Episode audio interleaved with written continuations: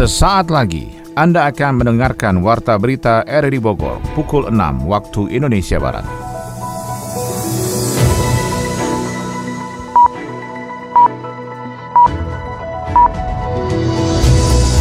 Selamat pagi dan salam jumpa. Kembali kami hadir dalam Warta Berita edisi hari ini, Selasa 28 Juni 2022. Siaran ini bisa Anda dengarkan melalui audio streaming pada aplikasi RRI Play di perangkat smartphone Anda dan turut disiarkan Radio Tegar Beriman Kabupaten Bogor. Berikut kami sampaikan berita utama.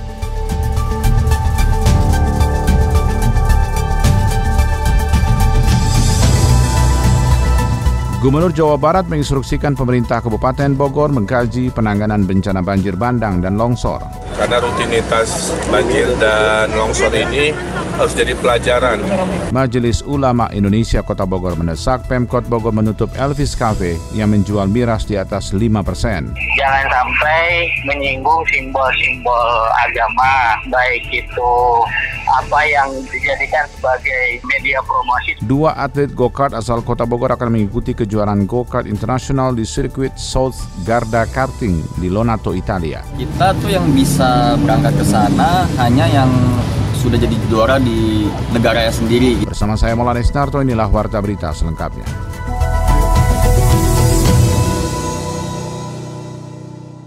Gubernur Jawa Barat Ridwan Kamil menginstruksikan pemerintah Kabupaten Bogor mengkaji kembali penanganan bencana banjir bandang dan longsor yang terjadi di dua kecamatan, Lewiliang dan Pamijahan. Kita akan ikuti laporan Yofri Haryadi. Kalau turun sumbangan, misalkan nggak nggak mau ke rumah lagi, saya mau pengen uang aja gitu ya. Kalau uang kan bisa kita di mana aja bisa memilih. Kalau dikasih rumah takutnya kena itu tempatnya yang rawan lagi.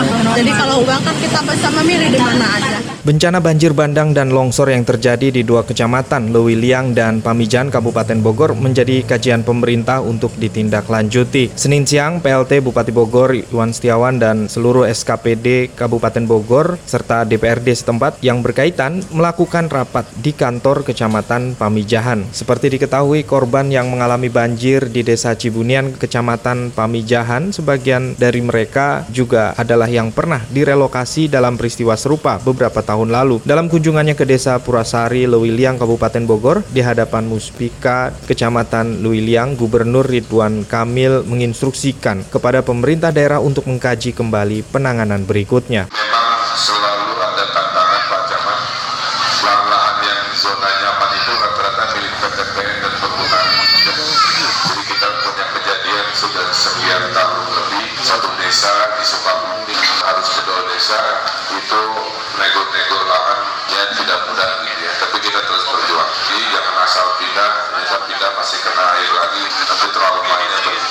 Sesuai dengan instruksi Gubernur Jawa Barat Ridwan Kamil, sulit untuk mengusulkan tanah relokasi bagi warga yang terdampak bencana alam karena sebagian besar mereka berada di atas lahan milik perhutani bahkan taman nasional. Beberapa catatan dari Gubernur Jawa Barat untuk masyarakat di antaranya untuk mengurangi perubahan tata lahan dan sungai yang selama ini diolah masyarakat untuk berkebun, bertani, dan budidaya ikan. Kemudian saya titip jadi pelajaran juga karena rutinitas banjir dan longsor ini harus jadi pelajaran.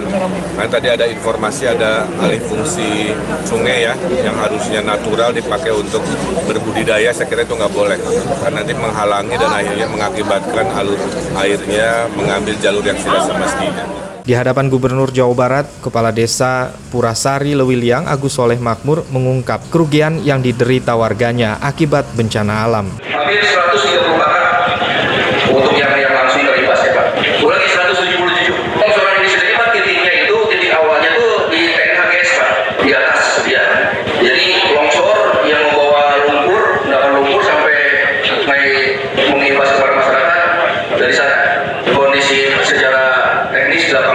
Menjadi catatan mendasar, pengawasan pemerintah terhadap kondisi infrastruktur irigasi sungai dan drainase di Purasari Lewiliang masih kurang. Banyak ramba dibangun di sepanjang aliran sungai dan alirannya diarahkan ke kiri dan kanan badan sungai tanpa perhitungan. Akibatnya, 35 hektar sawah tersapu banjir dan 20 ton ikan konsumsi budidaya warga lenyap tersapu banjir bandang. Majelis Ulama Indonesia Kota Bogor mendesak Pemkot Bogor segera menutup Elvis Cafe Holy Wing Group. Laporan disampaikan Sony Agung Saputra. Keberadaan Cafe Elvis di kawasan Bogor Timur, Kota Bogor yang diyakini sebagai bagian dari Holy Wing Group karena terafiliasi menjadi tempat hiburan malam mendapat kecaman dari Majelis Ulama Indonesia MUI setempat. Ketua MUI Kota Bogor, Kiai Haji Tubagus Muhyiddin mengatakan keberadaan kafe tersebut membawa permasalahan dan menyalahi aturan dengan menjual minuman keras miras di atas 40%. Terlebih ada promosi yang mencantumkan nama Muhammad dan Maria yang sangat melukai hati umat muslim sehingga pemerintah Kota Bogor harus tegas dalam menindak tempat tersebut agar tidak menimbulkan banyak mudaratan. Pihaknya juga siap mengeluarkan fatwa terkait peredaran minuman keras miras di Kota Bogor untuk mendukung program pemerintah setempat dalam menegakkan amar ma'ruf nahi munkar. Sebetulnya apa yang telah dilakukan oleh pemerintah daerah Kota Bogor, Pak Wali dengan Kapolres, dengan Pak Dan itu sangat-sangat cocok sekali dengan pendapat dan pandangan Fatwa MUI yang ada di Kota Bogor. Bahkan saya sebagai Ketua MUI sangat-sangat tertolong. Kenapa? Karena pas terjadi minuman keras yang berdikasih label dengan nama Muhammad dan nama Maria itu, itu umat Islam yang ada di Kota Bogor gerah dan gelisah. Dan saya sebagai Ketua MUI, itu MUI itu di dalamnya tuh banyak unsur, banyak organisasi, tidak hanya NU, tidak hanya Muhammadiyah, tidak hanya Persis, tidak hanya Al ada DPI dan banyak-banyak yang lainnya. Semua pun merasa gelisah dengan kelakuan-kelakuan yang dilakukan oleh uh, tempat hiburan yang yang bernama Halloween itu. Maka mereka dari bawah itu sebutnya sudah meminta untuk menutup Halloween itu. Tapi anugerah Allah Subhanahu wa taala sangat nggak begitu capek lah. Keberadaan Holy Wing juga mendapat kecaman dari Forum Komunikasi Umat Beragama FKUB Kota Bogor. Ketua FKUB Kota Bogor Hasbulo mengakui tidak bisa mentolerir keberadaan kafe tersebut karena sudah membawa simbol agama. Toleransi umat beragama harus dibedakan dengan minuman keras sehingga seluruh umat beragama akan melakukan penolakan terhadap peredaran barang membabukan tersebut terlebih membawa simbol nama keagamaan. Mengingatkan kepada semua pihak baik itu entitas bisnis jangan sampai menyinggung simbol-simbol agama baik itu apa yang dijadikan sebagai media promosi dan lain sebagainya karena itu akan mencederai kerukunan dan toleransi beragama. Kedua, seyogianya juga pemerintah bisa melakukan pencegahan terhadap langkah-langkah itu. Misalnya untuk kasus di Kota Bogor misalnya. Dari awal pemerintah Kota Bogor berkomitmen tidak akan mengizinkan tempat restoran atau apa pun namanya yang menjual alkohol yang tidak sesuai dengan visinya Kota Bogor. Untuk itu pemerintah Kota Bogor harus tegas dalam melakukan penindakan jika terbukti melanggar aturan maka harus dilakukan penutupan secara permanen sebab saat ini masih melakukan penyegelan hingga 14 hari. Rangkaian kegiatan HUT Bayangkara ke-76 jajaran Polres Bogor mendatangi purna tugas serta 27 polsek di bawah jajaran Polres Bogor. Kita akan ikuti kegiatannya bersama Yofri Haryadi. Rangkaian peringatan HUT Bayangkara ke-76 Polres Bogor selain dimeriahkan oleh kegiatan olahraga dan bakti sosial kemasyarakatan, Punggawa Bayangkara Polres Bogor juga mendatangi purna tugas anggota kepolisian di wilayah hukum Polres Bogor. Bersama dengan Kapolres Bogor AKBP Iman Imanuddin dan jajarannya ada tiga titik lokasi kunjungan yang dilakukan di Cibinong, serta 27 polsek di bawah jajaran Polres Bogor. Wakapolres Bogor Kompol Wisnu Perdana mengatakan salah satu yang menjadi target kunjungannya adalah anggota Polsek Cibinong aktif yaitu Brigadir Arman yang sakit menahun. Yang bersangkutan ini merupakan anggota Polsek Cibinong yang memang sudah lama berdinas hampir 20 tahun lebih, hampir 20 tahun lebih. Dari dedikasinya yang bersangkutan ini juga termasuk baik kalau tidak pernah melakukan pelanggaran. Jadi tidak dalam hanya rangka Hari Bayangkara saja, tapi memang karena dedikasi yang bersangkutan yang dinilai baik oleh pimpinan. Tidak hanya anggota kepolisian yang aktif saja, sesuai dengan instruksi Kapolres Bogor Bogor, kegiatan serupa juga dilakukan dengan mendatangi anggota Polri di wilayah masing-masing polsek yang sudah pensiun. Ya karena jangkauannya kan luas sekali ya Kabupaten Bogor ini ya. Jadi dalam hari ini kita harapkan semua titik anjang sana ini bisa tercover semuanya. Tapi tidak hanya sampai di situ saja. Dalam kegiatan anjang sana ini juga tidak hanya personil yang aktif, tapi juga personil yang sudah purna. Dengan mendatangi anggota polisi aktif yang sakit menahun ke rumahnya, memberikan harapan positif untuk sembuh dan kembali bertugas sekaligus memberikan tali asih dari pimpinan serta perhatian kesehatan bagi yang bersangkutan. Harganya berapa? Cuma 250 juta. Wah, murah banget. Kapan ya jadi sultan? Mau kerja gampang tapi cepat kaya nggak? Ngapain? Ngepet? Ye, bukan. Jadi trader. Kita deposit uang di awal, tapi bisa dapat untung miliaran kalau menang. Tuh, tuh, tuh, tuh, tuh. Lihat deh. Dia ini trader. Sekarang udah jadi afiliator. Umur 25 udah bisa hidup mewah. Aduh, flexing doang itu mah. Supaya banyak yang gabung. Padahal nih ya, sistemnya nggak akan ada yang menang. Malah nanti uangnya masuk ke kantong si afiliator. Kan rugi di kita. Masa sih? Padahal aku sempat percaya loh. Trading sih nggak masalah. Tapi harus pastiin legalitas platform tradingnya berizin Bapepti atau OJK. Harus paham juga nih soal resiko sama hasilnya. Hmm, ngeri ya. Padahal niat pengen jadi sultan malah bisa stres karena duit hilang. Pemerintah kota segera mengambil langkah terkait temuan kerusakan Tugu Kujang. Laporan Sony Agung Saputra. Tugu Kujang, kebanggaan masyarakat Bogor, rusak. Kerusakan Tugu Kujang sudah terlihat saat adanya prosesi mengumbah Tugu Kujang dalam rangkaian Babakti ke Bogor Hari Jadi Bogor ke-540. Salah seorang budayawan yang juga koordinator mengumbah Tugu Kujang, Cecep Torik, mengungkapkan, berdasarkan laporan dari budayawan dan pemanjat dari Federasi Panjat Tebing Indonesia didapat kerusakan pada sejumlah bagian di tubuh dan puncak tugu tersebut. Bahkan kerusakan sudah terdapat pada kujang yang mengelupas pada pada coran tempat kujang seberat 800 kg tertanam di tugu tersebut. Kerusakan juga terjadi pada prasasti peresmian Tugu Kujang pada tahun 1982 oleh Wali Kota Bogor saat itu Ahmad Sobana. Semua hasil temuan kerusakan tersebut sudah diserahkan oleh koordinator mengumbah Tugu Kujang kepada pemerintah Kota Bogor melalui Dinas Pariwisata dan Kebudayaan Ekonomi Kreatif. Baik itu sebelumnya dari beberapa tahun yang lalu juga udah kita buat laporan hasil bebersih Tugu Kujang tahun 2018 kalau tidak salah kami sudah melaksanakan bersih itu hujan dan laporan hasil itu yang atas pertamanya yang atas saja bungkus perak itu gompal kebuka. Bungkus perak hujan itu karena terbuat dari aluminium dan kuningan. Setelah itu kami melaksanakan kegiatan-kegiatan lagi karena pandemi di dua tahun hampir tiga tahun tidak berbuat apa-apa hanya babaki saja. Ternyata hasil kemarin itu sangat mengagetkan buat kita semua terutama teman-teman dari pemerhati dari FPTI yang langsung ikut terjun di lapangan. Sementara itu, Kepala Dinas Pariwisata dan Kebudayaan Ekonomi Kreatif Atep Budiman mengatakan laporan yang masuk tersebut akan menjadi catatan khusus kepada pemerintah daerah setempat untuk diteruskan kepada Wali Kota Bogor Bima Arya. Sudah ada langkah-langkah yang akan dilakukan oleh pihaknya terkait temuan kerusakan Tugu Kujang sehingga nantinya akan ada tim kajian untuk melakukan penilaian tingkat kerusakan termasuk rencana revitalisasi Tugu tersebut. Tapi di waktu yang bersamaan, Alhamdulillah perhatian Bapak Wali Kota Bogor sangat besar terhadap bertuk kujang ini. Tidak hanya sebatas kekuatan saja, tidak hanya sebatas melihat kondisi yang mulai memprihatinkan dari sisi tadi bungkus kujangnya, dudukannya, betonnya, dan sebagainya. Tapi malah beliau juga berkeinginan untuk merevitalisasi tidak hanya tubuh bentuk dengan kawasannya juga. Ya, ada mungkin area-area dari 26 ke 23 meter itu yang masih dimungkinkan oleh kita untuk kemudian dibenahi sehingga memberikan nilai estetika juga yang lebih lebih bagus kan ya. Tapi yang paling utama tentunya kita memikirkan terkait dengan keberadaan fisik ya kondisi teknisnya dulu. Itu menjadi referensi nanti rujukan ke depan. Desain daripada revitalisasi ini akan dibawa ke mana. Nanti estetika dan sebagainya kan itu mah mungkin tambahan ya. Menyesuaikan juga dengan kondisi kemampuan anggaran tentunya kan. Anggarannya ada sih Tugu Kujang memang sudah menjadi kebanggaan warga Bogor. Harus menjadi ikon yang terjaga sesuai dengan slogan Kota Bogor. Di Nukiwari Ngancik Nubihari sejak Ayena sampai Jaga. Sehingga Tugu Kujang akan berdiri kokoh menjadi warisan budaya pariwisata untuk generasi mendatang.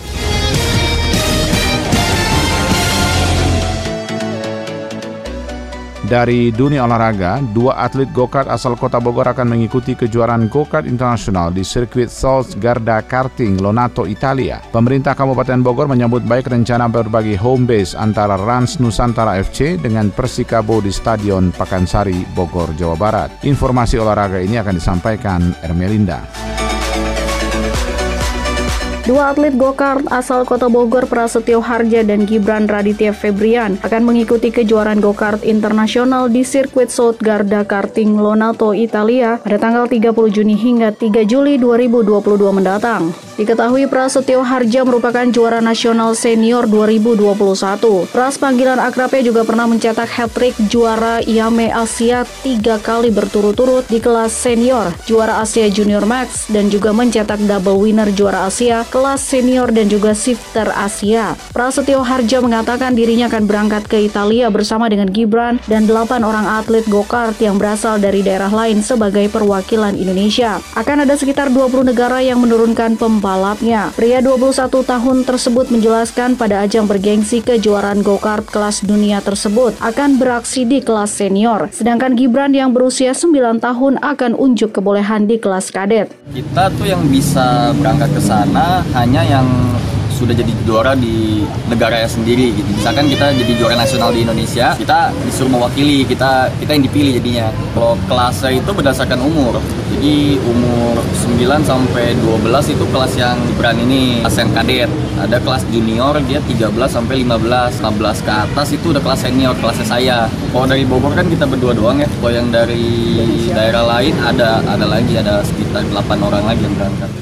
Sementara Gibran Raditya Febrian mengaku sangat siap untuk menghadapi kejuaraan tersebut. Berbagai persiapan tengah dilakukan baik fisik maupun mental. Sedangkan Gibran Raditya Febrian merupakan juara nasional Cadet Rock Isark 2021. Siapannya uh, kayak latihan terus sama ngafalin track di simulator. Siapan fisik, iya makan telur 7. Sebelumnya Wali Kota Bogor Bima Arya Sugiarto merasa bangga ada warganya yang berprestasi di bidang gokar. Hal tersebut diharapkan dapat menginspirasi anak muda yang lain. Bima Arya sempat berwacana akan membuat event kejuaraan di Kota Bogor karena menurutnya akan menarik jika dihelat di seputaran Istana Kebun Raya Bogor. Pelaksana tugas PLT Bupati Bogor Iwan Setiawan menyambut baik rencana berbagi home base antara Rans Nusantara FC dengan Persikabo di Stadion Pakansari. Hal ini dikatakannya usai menemui Presiden Rans Nusantara FC, Rofi Ardian di ruang rapat Bupati, Gedung Sekretariat Daerah Cibinong. Rans Nusantara FC mengadakan audiensi dengan PLT Bupati Bogor Iwan Setiawan dan jajaran Pemkap Bogor terkait rencana berbagi home base Stadion Pakansari. Hal ini sebagai syarat kepesertaan di Liga 1 yang akan dimulai dua bulan yang akan datang. Iwan menjelaskan di Kabupaten Bogor, antusias masyarakatnya tinggi untuk mencintai olahraga. Rans adalah salah satu tim modern yang memiliki nilai entertainment yang tinggi, bahkan lebih menuju pada sportainment dan juga industri. Iwan Setiawan juga sangat mengapresiasi dan berterima kasih bahwa Rans Nusantara FC membuka kerjasama untuk pembinaan sepak bola di Kabupaten Bogor. Rans Nusantara FC memerlukan infrastruktur di bawahnya untuk dibentuk. Selanjutnya, Presiden Rans Nusantara FC Rufi Ardian bersyukur bersyukur bisa diterima dengan baik oleh PLT Bupati Bogor dan jajaran Pemkap Bogor. Rufi mengaku memilih Kabupaten Bogor karena memang aksesnya dekat dengan Jakarta. Kemudian Stadion Pakansari menjadi salah satu stadion yang terbaik. Pihaknya juga pernah menjajal Stadion Pakansari saat di Liga 2. Pendengar sebelum mengakhiri Warta Berita RRI Bogor pada hari ini, kita akan ikuti liputan Yofri Haryadi soal budidaya alpukat.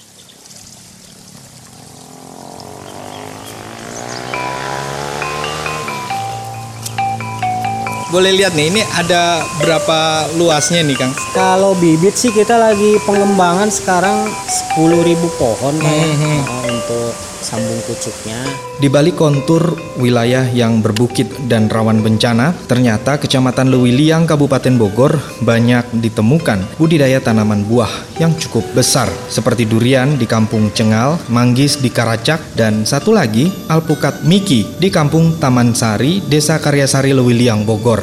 Jenis tanaman alpukat miki termasuk jenis yang paling dicari oleh pembudidaya. Selain hasil buahnya melimpah, pohon dari alpukat miki juga tidak berulat. Daging buahnya berwarna kuning seperti pisang tak heran masyarakat kerap menyebutnya alpukat mentega.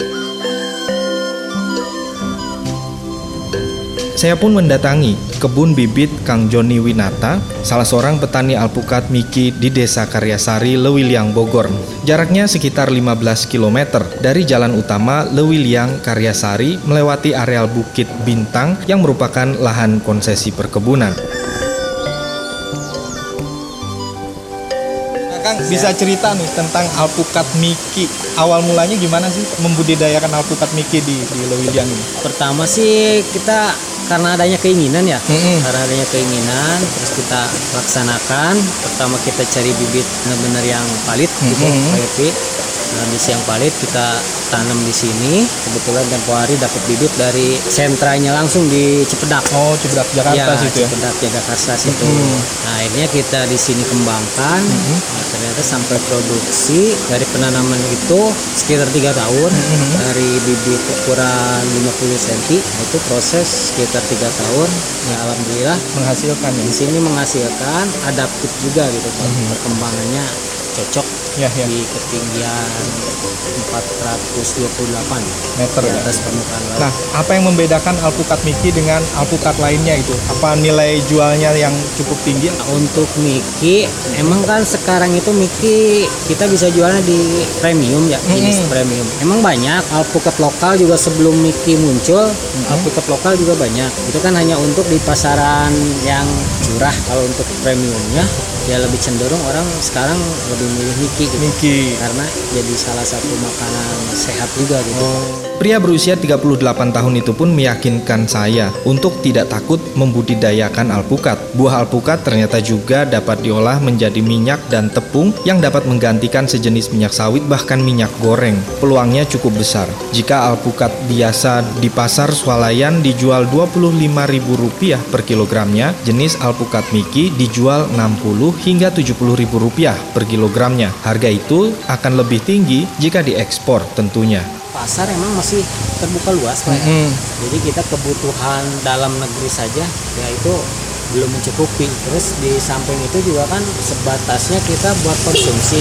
Tapi untuk pengembangan berikutnya ke tahap buat si Miki itu dibuat minyak apa tepung sampai sekarang sih belum ada yang menggali untuk kontensi itu gitu. Di beberapa negara khususnya di Afrika gitu kan kayak di Meksiko itu sudah ada Pak yang Mhm. jadi buat minyak gitu kan. Kang Joni memiliki rencana 3 atau 4 tahun ke depan, Desa Karyasari Lewiliang menjadi sentra budidaya buah alpukat Miki. Pembibitannya pun sudah disiapkan sebanyak 10.000 bibit pohon dalam bentuk stek untuk ditempatkan pada media tanam seperti di dalam pot atau langsung di lahan perkebunan. Kalau kita bicara soal alpukat biasa itu di pasaran itu kan bisa ada yang ngecer 25.000 Mhm. Kalau untuk jenis alpukat Miki itu kalau sudah jatuhnya di pasar swalayan bisa mencapai 60 sampai 70.000 per kilo. Kemarin kita nguji rata-ratanya satu pohon itu panen perdana sekitar 10 kiloan dirawat 3 tahun insya Allah dia Sudah sudah menghasilkan.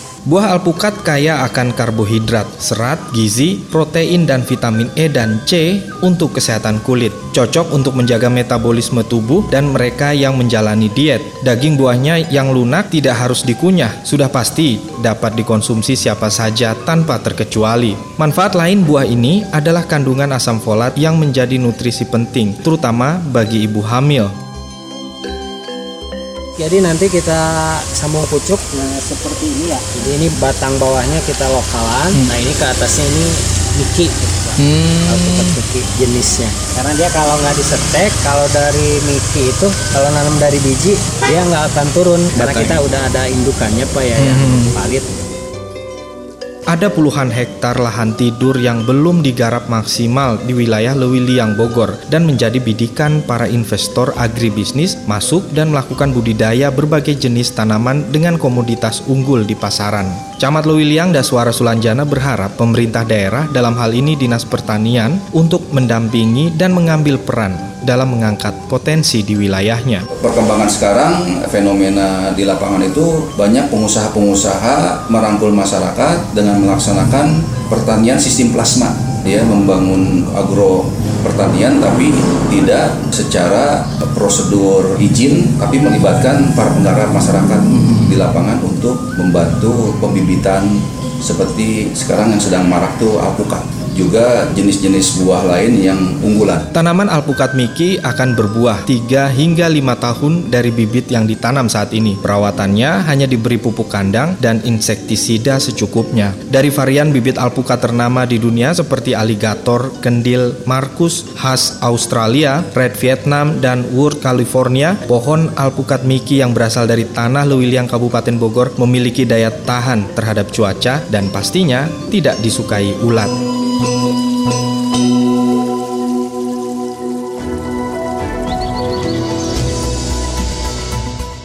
Demikian rangkaian informasi yang kami hadirkan dalam Warta Berita di edisi hari ini. Sebelum berpisah, kami kembali sampaikan berita utama.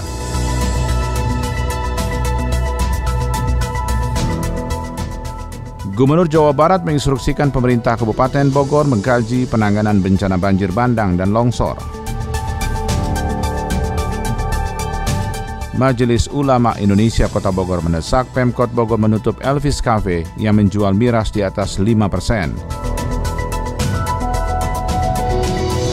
Dua atlet go-kart asal Kota Bogor akan mengikuti kejuaraan go-kart internasional di sirkuit South Garda Karting di Lonato, Italia.